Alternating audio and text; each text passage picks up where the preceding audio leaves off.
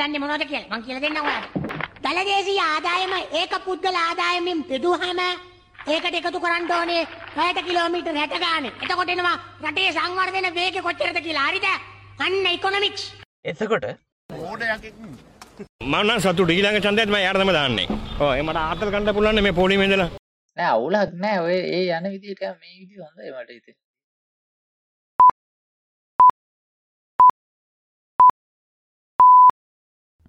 ආයිබෝවන් අද දෙදස් විසි දෙකේ අප්‍රේල් පලනිද රට කරනරි පොඩ්කාස්ට් එකේ අසු අටවැනි කොටසත් එක එකතුන හැමෝම වෙනද වගේම අදත් ආදරෙන් පිළිගන්න ඒ වගේම තමයි පොඩ්කාස්ට් එක අසු හත්වනි කොටසත් එක එකතුරු අපිත් එක අදහස් බෙදාගත්හ මොටමත් ගොඩක් ස්තුතියි කියලා කියන්න ඕන්.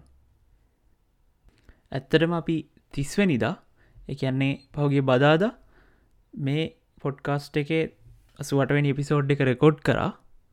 හැබැයි එක එඩිට් කරලා පබ්ලිෂ් කරන්න ඔන්න වෙන්න තියෙනකොට රටේ තත්ත්ේ දැන් සම්පූර්ණයෙන්ම වෙනස් වෙලා සාපේක්ෂව වෙනස් වෙලා.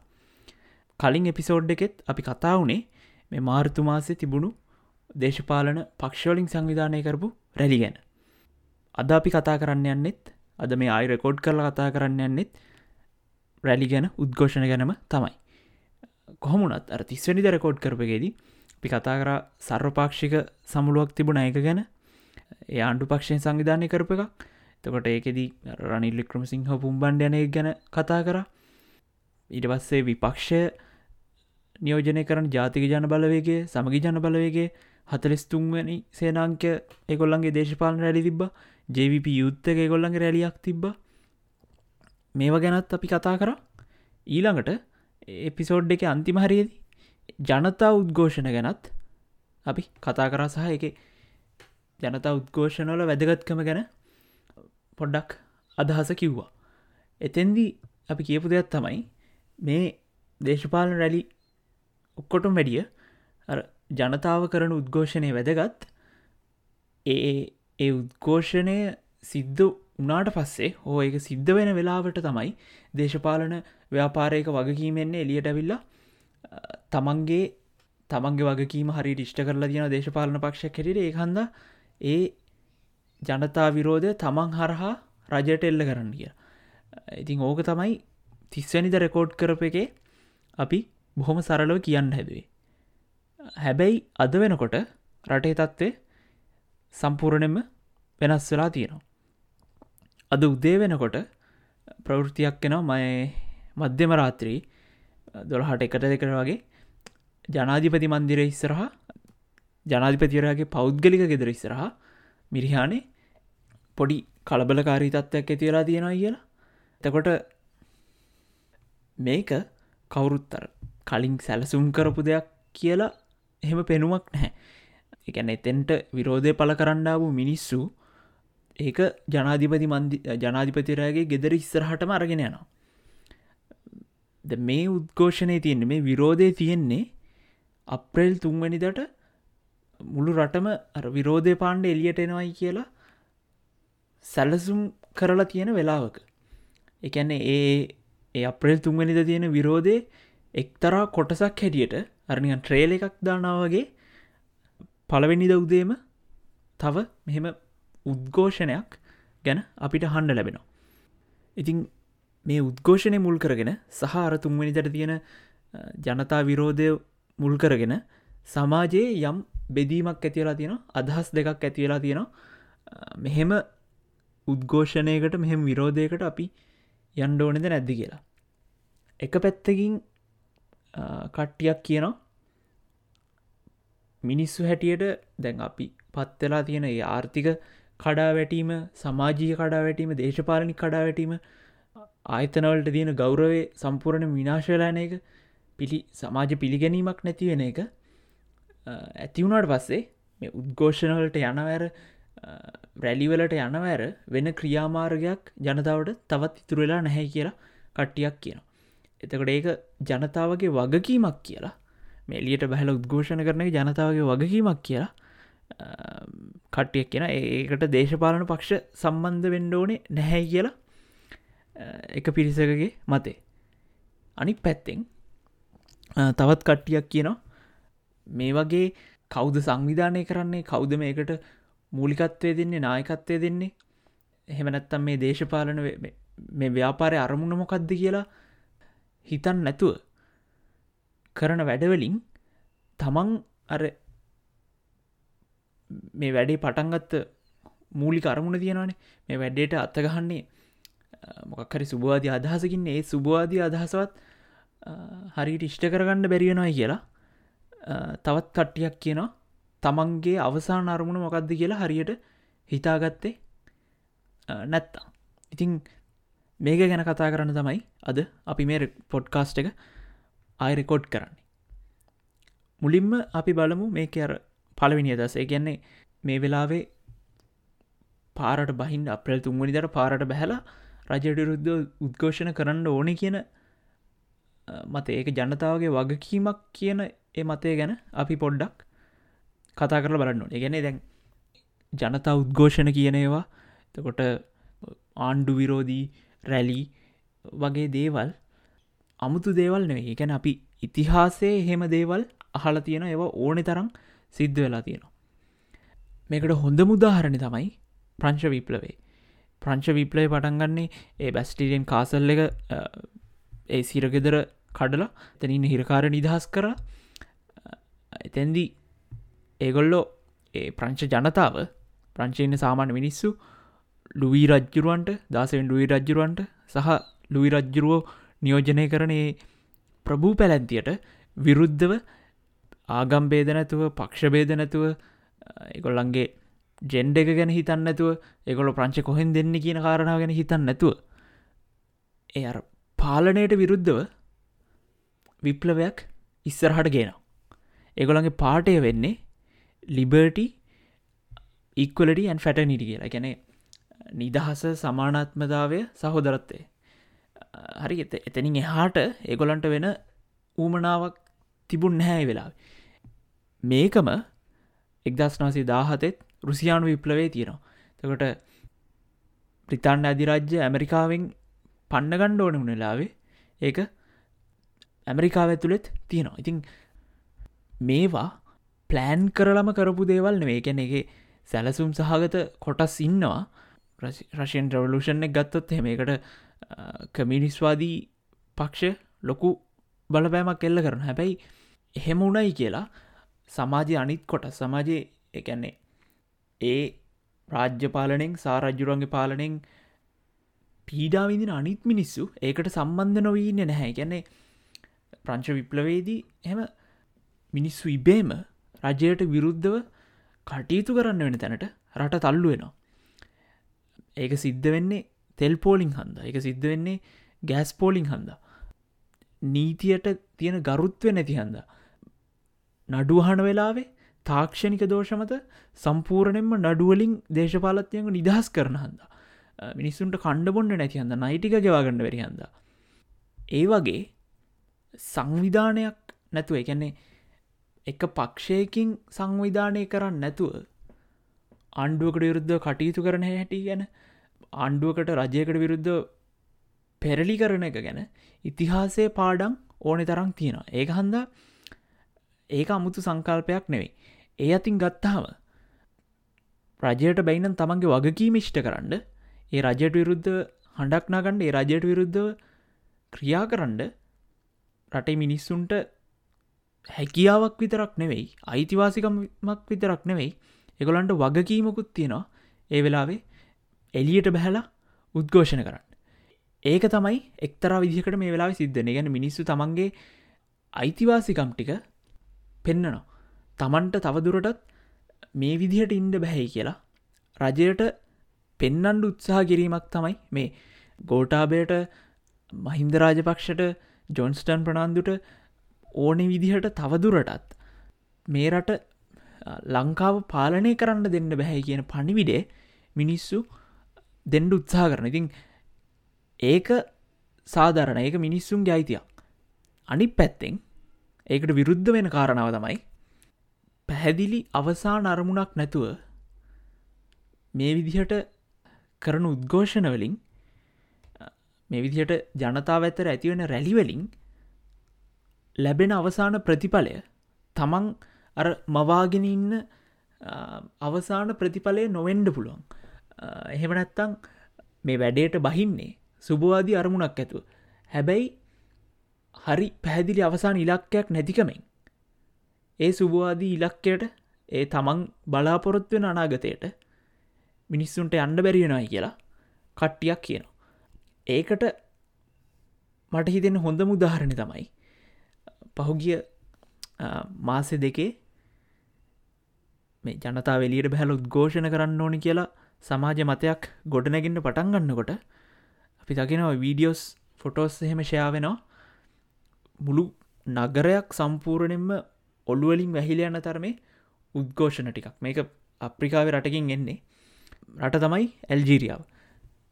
ඇල්ජිරියාව තියෙන්නේ උතුරු සහ මධ්‍යම අප්‍රිකා ප්‍රදේශවල කොහමරි එක්දස් නසි අනුනවේදී ඇල්ජීරියාවේ ජනාධිපතිවරණෙන් මේ නම හරියට ප්‍රනවස් කරනවත් දන්න මේ ජනාධිපතියනවා අබ්ඩලාසිස් බුඩ් ෆ්ලිකා කියලා. පුද්ගලෙක්. මෙයා ජනාධිපති වුණට පස්සේ අද ලංකාවට ඇතිවෙලා තියෙන තියෙන තත්ත්ව වගේ තත්ත්වයක්.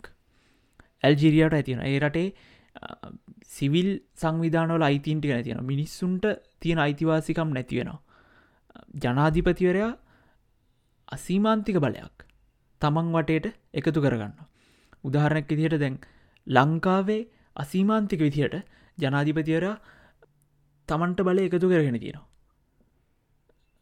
මැතිවරණ කොමිසමට දීලා තිබුණු ස්වාධීනත්වය නැති කරගෙන තියෙනවා. අධිකරණයට දීලා තිබුණු ස්වාධීනත්වය නැති කරගෙන තියෙනවා. ශොකාමල්ලි නිදහස් වෙලා තියෙනවා. දුමින්ද සිල්වාට ජනාධිපති සමාදීලා තියෙනවා. ඒ වගේ ආර්ථික හරියට කන්ට්‍රෝල් කරගන්න බැරිවෙලා තියෙනවා. මිනිස්සුන්ට පිටරටකින් බඩුවක් ගන්න බෑ. ව්‍යාපාරවලට තමන්ගේ ව්‍යාපාරටික් කරගන්න බෑ. ඉතිං ඒ විදිහට ආර්ථිකය ගැන සමාජි ගැන මිනිස්සුන්ට විශ්වාසයක් නැතිවුණාම ඒකට විරුද්ධව රණ්ඩු කරන එක ඒකට විරුද්ධ පාලකයා ගැන අප්‍රසාදය පල කරන එක ඇල්ජීරියාවෙත් අපි දකිනවා. දෙදස් අටේදී දැම් මේ එක්දසනසි අනුනවේ පත්වන ජනාධිපතිර අවුරුදු දුරකාල පහක් එක දිගට තමන්ගේ බලය පවත්තගෙනනවා මෙයාට විරුද්ධ උද්ඝෝෂණ පටන්ගන්නේ දෙදා සටේ ඔය දෙදා සටේ පටන්ගන්න උද්ඝෝෂණවල වීඩියෝස් ෆොටෝස් තමයි පහුගිය මාස දෙකතුනේ අපි දැක්කේ. ඒවට අපි දකින දැන් ඇල්ජිරිය කොහොමත් ලංකාට එඩිය ලොකු ජනගහනැක්කින්න හැබැයි සාමාන්‍යඉතින් ලංකාවේ පක්ෂයක් මොක්කර උද්ඝෝෂණයක් සංවිධානය කරහම ඔන්නං කොළඹ හන්දියක් වැහෙන්ඩ ගෝල් ෆේස් එක හැන්ඩ වගේ සෙනගක්කේ හැබැයි මේ ෆොටෝස්වල අපි දකින්නේ සම්පූරණෙන්ම පේනතෙක් මානක හිස් ගොඩක්. එකම වාහනයක්වත්. එකම හිස් එකැන පාරක පොළොවක පස් ගොඩක ඡායාවක්වත් මේ තියෙන ෆොටෝස්වල නෑ. ඒ තරම් සෙනග එකතු වෙලා මහා විශාල ජනමතයක් මේ ජනාධිපතිවරයට විරුද්ධ ඇතියෙනවා මේක පටන්ගන්නේ දෙදස් අටේ වුණාට මේව අවසාන ප්‍රතිඵලය ලබාගණ්ඩ ඒගොලට දෙදස් දහනවය වෙනකං රණ්ඩු කරන්නනවා උද්ඝෝෂණ කරන්නනවා කොහොම හරි මේ පස්වනි මේ ජනාධිපතිරගේ පස්වනි දූරකාලය අතරෙදී මෙයට අන්තිමේ ප්‍රශර්ක දරාගණ්ඩ බැරුව ජනතාව දෙන ප්‍රශර්ක දරාගණ්ඩ බැරුව මෙයා ඉල්ලා අස්සෙනවා. ඉල්ලා අස්වෙලා ඒ අවුරුද් අග දෙදස් දහනවේ දෙසැම්බරල ජනාධිපතිවරණයක් තියෙනවා. දැන් මෙතන තමයි අපිට වැදගත් කාරණාදීන්. දෙදස් දහනවේ දෙසැම්බර් ජනාධිපතිවරණෙන් බලයට එන්නේ හිටපු ජනාධිපති බුඩ් ෆ්ලිකාගේ අග්‍රාමාත්‍යවර හැටිය වැඩකරපු අබ්දල් මජීත් ටබෝන් කියන පුද්ගලය. මෙයා ජයග්‍රහණය කරන මේ මැතිවරණය ඇල්ජීරියන් ඉතිහාසේ අඩුම චන්දදායක ප්‍රමාණයක් චන්ද ප්‍රකාශ කරපු මැතිවරණේ. එහෙම බලයටාපු මේ පුද්ගලයා අර කලින් අයින්කරපු ජනාධිපතිවරයාගේ හොඳම යාළුවෙක් එත් එත් එක්ක ළඟින් වැඩ කරන පුද්ගලෙක් කියලා අද වෙනකොට චෝදනා ඇවිල්ල තියෙනවා. ඉතිං එතන අපි හිතනවා අපිට එන්ඩෝනෙ තැන ඒ ප්‍රශ්නය තියෙනවයි කියලා. දැන් අප්‍රේල් තුන ව්‍යාපාරයත් තමන්ගේ නායකයා තමන් වෙන්ඩ කියලා බොහොම හොඳ අරමුණකින් හොඳ පණිවිඩයකින් මිනිස්සු ඉස්සරහටෙන්ඩ ප්ලෑන් කරගෙන තියෙනවා. හැබැයි මීට කලින් අපි ඉතිහාසේ දිහැ බැලොත් හෙම මෑතකාලින් ඉතිහාසේ දිහැ බැලුවත් අපිට පේනවා දැම ඇල්ජිරිය උදාහරණෙදිත් හරි අරමුණක් නැතුව මිනිස්සු කොච්චර එකතුනත් මිනිස්සු කොච්චර රජයකට විරුද්ධ කෑගැහුවත් හරි අරමුණක් නැතුව එතන එකතුන් නැත්තං ඒ ඇල්ජීරියාව මිනිස්සුන්ට වගේ ඒ ඇල්ජිරිය මිනිස්සුන්ට සිද්ධ වුණා වගේ තමන් බලාපොරොත් වෙන තැනට ලංකාව මිනිස්සුන්ටත් යන්ඩ වෙන එකක් නැතිවෙයි කියන බය මේක දකිනකොට හිතන කියන්නේ මම හිතනවා මේ ඇල්ජීරියාවේ බුඩ්ෆ්ලිකා කියන ජනාධිපතිර එලවන්ඩ ආපු ඒ තරුණ උද්ඝෝෂකය කාටවත් පරණ විදිහේ පාලකෙක් වෙත යන්ඩ ඌමනාවක් තිබ්බ කියලා. ඒ හැමෝටම හොඳ අරමුණක් තිබ ඒ ඒ හැමෝම එලියටාවේ තමන්ට මීටඩි හොඳ අනාගතයක් තියෙන්න්න ඕනේ. ඇල්ජිරියාවට තියෙන එගොල්ලන්ගේ ස්වභාවික සම්පත් මීට වැඩිය හොඳර පාවිච්චෙන්න්න ඕන. ඒගොල්ලන්ට හොඳ සමාජ තත්ත්වයක් තියෙන වටපිටාවක් ඕන කියන අරමුණෙන් තමයි මේ තරුණ තරුණිය එලියටාවේ හැබැයි එහෙම එලියටාපු මිනිස්සුන්ගේ ඒ ඒ ව්‍යාපාරයෙන් ඒගොල්ලන්ගේ මහන්සියෙන් ප්‍රතිඵලය ලබාගත්තේ ආයමත් අර පරණ වැරදිවලටම සම්බන්ධ වුණු පුද්ගලෙක් ඉතිං ඒ හන්දා මේ වගේ විරෝධයක් එල්ල කරනවන රජයට අප්‍රසාදය පල කරනවනම් අපි හිතනවා ඒ වෙලාවට තමන්ගේ අරමුණු මොකක්ද කියන එක හරියට දැනගන්න එක ගොඩක් වැදගත් කියලා. අද උදේ ඇති වුණ සිද්ධිය මෙතෙන්දි සාමකාමි උද්ඝෝෂණයකට හැමෝම එකතු වුණා. එතකොට මේකත් ඉතින් මේ මාධ්‍යවල කියන අදහසක්න සමාජ මාධ්‍යවල කියන අදහසක් නතකොට ඒක ඉතින් බයස් එකක් තියෙනවා. ඇත්ත නැත්ත මොකක්දිගර හන්නමරුයි හැබැයි එතන පෙන්නන මතේ තමයි කඳුරු ගෑස් ගහපු වෙලාවේ එකතු වෙලා ඉඳපු මිනිස්සු ඇතනින් මිසිර ගියා. හැබැයි ඒ මිනිස්සු විසිර ගිල්ල ටික වෙලාව ගියට පස්සේ ඒගොල්ලා එකතු වෙනකොට බස් එකක් ගිනිගන්න පටන් අරන් කියන ප්‍රෘතියාව ඒකත් එක්කම අර උද්ඝෝෂණය ඇතුළෙදී වැඩිපුර සද්ධ කරන මිනිස්සුන්ව අරගෙන ගිහිල්ලා සිවිල් ඇඳගත්තු නිලධාරින් ඒ මිනිස්සුන්ට පහර දෙනවයි කියලා ප්‍රවෘතියකුත් අපිට ඇහෙන්ඩ පටන් ගන්න. ඒකන්නේ අසංවිධානාත්මකව කරන වැඩවලදී ඒවා කාගෙහරි අතකොළු බාට පත්වන්න ඒවා කාටහරි පාවිච්චි කරන්න බොහොම ලේසි. ජනතා විමුක්ති පෙරමුණ මේ අප්‍රේල් තුන රැලී ගැන සමාජය තුළ කතාභාක් ලක් වෙනකොට ඒගොල්ල කියන ජනතාවගේ උද්ඝෝෂණය කිරීම අයිති පිළිගන්න සහ මිනිස්සුවයි මේ උද්ඝෝෂණ කරන්න කෙනෙක් ගැන ඒගොලන්ට තේරෙනවා හැබැයි ඒක අත්තකොළුවක් කරගණ්ඩ හෝ ඒගොල්ලන්ගේ බැනර එක මේ විරෝධ ස්රහන් ගහන්ඩ ජනතාව මුක්ති පෙරුණු බලාපොරොත්තු වෙන්න හැ කියලා ඒගොල්ලො නිවේදනයක් නිකුත් කරනවා. ඒක හන්දා ඒගොල්ලන්ට අද මේ ඇති වුණ කලබලෙන් බේරෙන්ඩ පුළුවන් වුණා කියලා අපි හිතනවා. හැබැයි බැරි වෙලාවත් ජනතාව මුක්ති පෙරමුණ හරි විපක්ෂය අනිත් ඉන්න කණ්ඩායම හරි කිව්ව නැත්තං තමන් මේකට බැනරි අල්ලන්ඩ යන්න මේ ජනතාවගේ විරෝධයක් කියලා රජයට බැයිද බස් ගිනි තිබ්බා රටේ සාමයට රටේ එදිනදා පැවැත්මට බාධා කරනයි කියලා මේ විපක්ෂයේ සංවිධාන කීපයක් තහනම් කරන්න. එතකොට අසුතුනේ කළු ජූලිය කියලා සිද්ධියක් ගැන අපි හල තියෙනවා.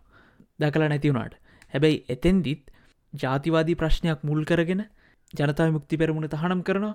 ඊට පස්සේ ඒ තහනම් කිරීම හරහා ටිකෙන්ටික ඇවිල්ලා එක ඉවර වෙන්නේ අරස්සුවට අසුනවේ කල්බල කාලෙන්. ඉතින් ඒ වගේ තමන් කරන පොඩිදෙයිනුත් මේ ඉදිහට අසංවිධානත්මකව අසංවිධානත්මක කියලා කියන්නේ එක වැරදි අදහසකින්න වෙයි නිසි අරමුණක් නැතුව කරන ප්‍රොජෙක්ටලින් ඒක තමන්ට ඕන විදිහට ස්පින් කරගන්න රජයට හැකියාව වැඩි. ඒක තැන් ගෝහෝම් ගෝට වගේ ස්ලෝගන්ස් හැස්ටක්ස් අපි හිතන ඒවා ඇත්තටම මිනිස්සු නිකං මිනිස්සුන්ට හිතුණු දේවල්. හැබැයි ඒවා රජයට ඕන ඉදිහට ස්පින් කරන්න ඒව රජයට ඕන ඉදිහට පාවිච්චි කරන්න හැකියාව තියෙන බ්‍රේන් පවර එක තියෙන ඇඩ්ඩටයිසිං ඒජන්සි ඕන තරම් ලංකාවෙ තියෙනවා. ඒවා මොනහරි ටිකක් කලබලකාරයෙක්ව ඒ උද්ඝෝෂණ ඇතුළට දාලා එතන අනවශ්‍ය විදිහේ අනතුර ඇති කරන්න පුළුවන් පිරිස් බලයක් මුදල් ශක්තියක් රජයකට තියෙනවා. ඒකත් එක්කම අනි පැත්තෙන් ඔය කාරණාව කිව්හම අනික් පැත්තෙන් එෙන තර්කය තමයි ජනතා මුක්ති පෙරමුණට විතරද සමගි ජන බලවේගයට විතරද උද්ඝෝෂණ කිරීමේ අයිතිය තියෙන්නේ කියන කාරණාව. එතෙන්දී අපි කියන්නේ උද්ඝෝෂණ කරන්න ජනතා මුක්ති පෙරමුණෙන්වත් සමගි ජන බලවේගෙන්වත් පාටලීගෙන්වත් අවසර ගණ්ඩෝන කියන කාරණාව නෙමේ. හැබැයි අපි දැ වෙනස් කරන්න යනි සිිස්ටම් එකන්නේ එතකොට සිිස්ටම් එකක් වෙනස් කරන්න යනකොට හැමෝම දැනගණ්ඩෝනේ තම තමන් පෞද්ගලික හරි කමන්න තමන් බලාපොරොත් වෙන සිිස්ටම් චේන්ජික මොකක්දි කියලා. හැය හැමෝම සිිස්ටම් චේන්ජ් කියල කිවට මොකක්ද ඒකෙන් අදහස් වෙන්නේ කියන කාරණාව ගැනවත් තමන්වම ප්‍රශ්න කර ගැනීමකට අපි ඇවිල්ල ඉන්ඩෝන මොකද දැන් අපි කියමුකෝ උද්ඝෝෂණ කරලා ගෝටට හූ කියලා මහින්දට හූ කියලා ජොන්ස්ටන්ට හූ කියලා කණක හේරත්ත සිලින්ඩරගෙන් ගහලා නාමල්ල ෂෙඩ්ඩකින් එලෝලා අපි ඉන්න පාලන එලෙව්වයි කියලා. එවුනාට ආයමත් අපි සාමාන්‍ය ජීවිතයට යනවා නම් එතන් අපට චන්දයක් තියන්න සිද්ධනවානේ එකන අපිව නියෝජනය කරන්න රට කොහොමද පාලනය වෙන්ඩෝනි කියලා තීරණය කරන්න පිරිසක් අපි පත් කරගන්න ඕනේ. එහෙම නැත්තං සම්පූර්ණ ඇනාකි පාලනයක් තියෙන තැනකට අපියන්න ඕනේ. ගැන පුළුවන් එක කාලඉන්න බැරි එක මැරල වැටෙන තැනකට අපියන්න ඕන. ඔය දෙක එකක් අපි තෝරගන්න ඕනේ. තකොට මේ ශිෂ්ට විදිහට උද්ඝෝෂණ කරනවනම් අපි හිතනවා ශිෂ්ට ඔප්ෂන් එකම තෝරගනී කියලා. ඉතිං ඒ ඒ සිිස්ටම් චේන්ජ එක හදන්ඩ මොන විදිහේ විසඳුමත් අපිට තියෙන්නේ කියන කාරණාව ගැන අපි පැහැදිලි තැනකට ඇවිල්ලා ඊට පස්සේ තුන්වැනිදට පරට බැස්සට කමක් නැහැයි කියලා අපි හිතනවා. ඉතිං ඒ ඒ සිිස්ටම් චේන්ජකට ඔගොල්ලන්ට මොන විදිහ උද්ඝෝෂණයක් ද ඕනවෙන් ඒකන්නේ බෝඩ් එකක් කල්ලගෙන ඉන්න එකද? පාරක් වහන එකද? එහෙමනැත්ත ඉටි පන්දමක් කල්ලගෙන ඉන්න එකද? එහෙමනැත්ත ඔගොල්ලො බලාපොරොත්තු වෙන්නේ සරත් ෆොන්සේකව ගෙනල්ලා යුද්ධ කරාවගේ රටක් හදන්නද? ඒ වගේ මොකක් හරි විසඳුමකට ඒක වැරදි කිය නන ඉතින් මොකක් හරි විසඳුමකට ඇවිල්ලි වෙරලා පාරට බහින්ඩ නැත්තං සිද්ධ වෙන්නේ ආණ්ඩුවේ පිරිස් බලයට ආණ්ඩුවේ සල්ලිවලට ඇඩටයිසින් ෆර්මලට එකොළ වියදන් කරන සල්ලිවලට එතකොට ශ්‍රී ලංකා නිදහස් පක්ෂය සමගි ජන බලවේගේ UNP එක පොදුජන පෙරුණුවගේ මේ රටේ ආර්ථිකය විනාශ කරන්න දායකුණු මිනිස්සුන්න දේශපාලන පක්ෂවලට ආය මේක දෙන එක දෝගොල්ලඟ විසිඳුම? සජිත් ප්‍රේමදස වගේ මනුස්සෙක්ටම ආය මේක දෙන එක දෝගොල්ලඟ විසිඳුම? එහෙමනැත්තං අර හමුදා පාලනයකට ශවේන්ද්‍ර සිල්ලෝට සරත් ෆොන්සේකට දෙන එකද මේක මේ වෙලා ඔගොළඟ විසිඳුම? රංජන් රාමණයක හිරෙන් අරංගවිල්ල එයා ජනාධිපති කරන එකද විසඳුම කියලා හිතලා තුන්වැනිදට එලියට බහිනානම් බහින්ඩ ඒ වගේම අවසාන වශයෙන් කවුරු හරි තුන්වැනිදට හෙට එහෙම නැත්තං වෙන මේ අප්‍රේල් මාසේ මේ අවුද්ධ ඕනම දවසක එලියට බහිනන රජයට විරුද්ධ කතා කරනවනම් එතැන්දි පොඩ හිතල බලන්ඩ තමන් මේ වෙලාවෙ මේ උද්ඝෝෂණය කරන එක සියට සියක් සාධාරණයි. හැබැයි ඒ උද්ඝෝෂණය බැසිල් වගේ මනුස්සෙක් අතින් රනිල් වගේ මනුස්සෙක් අතින් සජිත් වගේ මනුස්සෙක් අතින් යස් වෙලා ඒක තියෙන අර පිවිතුරු අරමුණ නැති වෙලා ඒක නිකං පුස්සක් බවට පත්වෙනවාද කියන කාරණාව. ඒක නිකං අර ඇල්ජීරියාවේ වුණා වගේ තැනකට තල්ලු වෙනවාද කියන කාරණාව. තින් ඒකත් එක්ක අදට අපේ පොඩ්කාස්ට් එක අසු වටවැනි කොට සාසන් කරනවා ඒ වගේම තමයි අප්‍රේල් තුන්වැනිදට අපි ලයිව් පොඩ්කාස්ට් එපිසෝඩ් එකක් රෙකෝඩ් කරන්න හිතාගෙනන්න ඒක සිද්ධ වෙනවනම් අපි ෆේස්බුක් පේජ්ජගේ ඒක ගැන සටහනක් දාන්නම්. ඉතිං පොඩ්කාස්ට් එක අහන අය ඔගලන්ට ඒ ලයිව් එක වෙන විදිහකට දෙන්න බැරිහන්ද පුළුවන්නම් ෆෙස්බුක් පේජ් එක දිහත් ඇහැගාගෙන ඉන්න කියලා කියනවා. කොහමුණත් ඒකත් එක්ක නැවත අසුනාවැනි කොටසෙන් හමනකම් හැමෝටම අයිබෝවන් පරිස්සමකින්.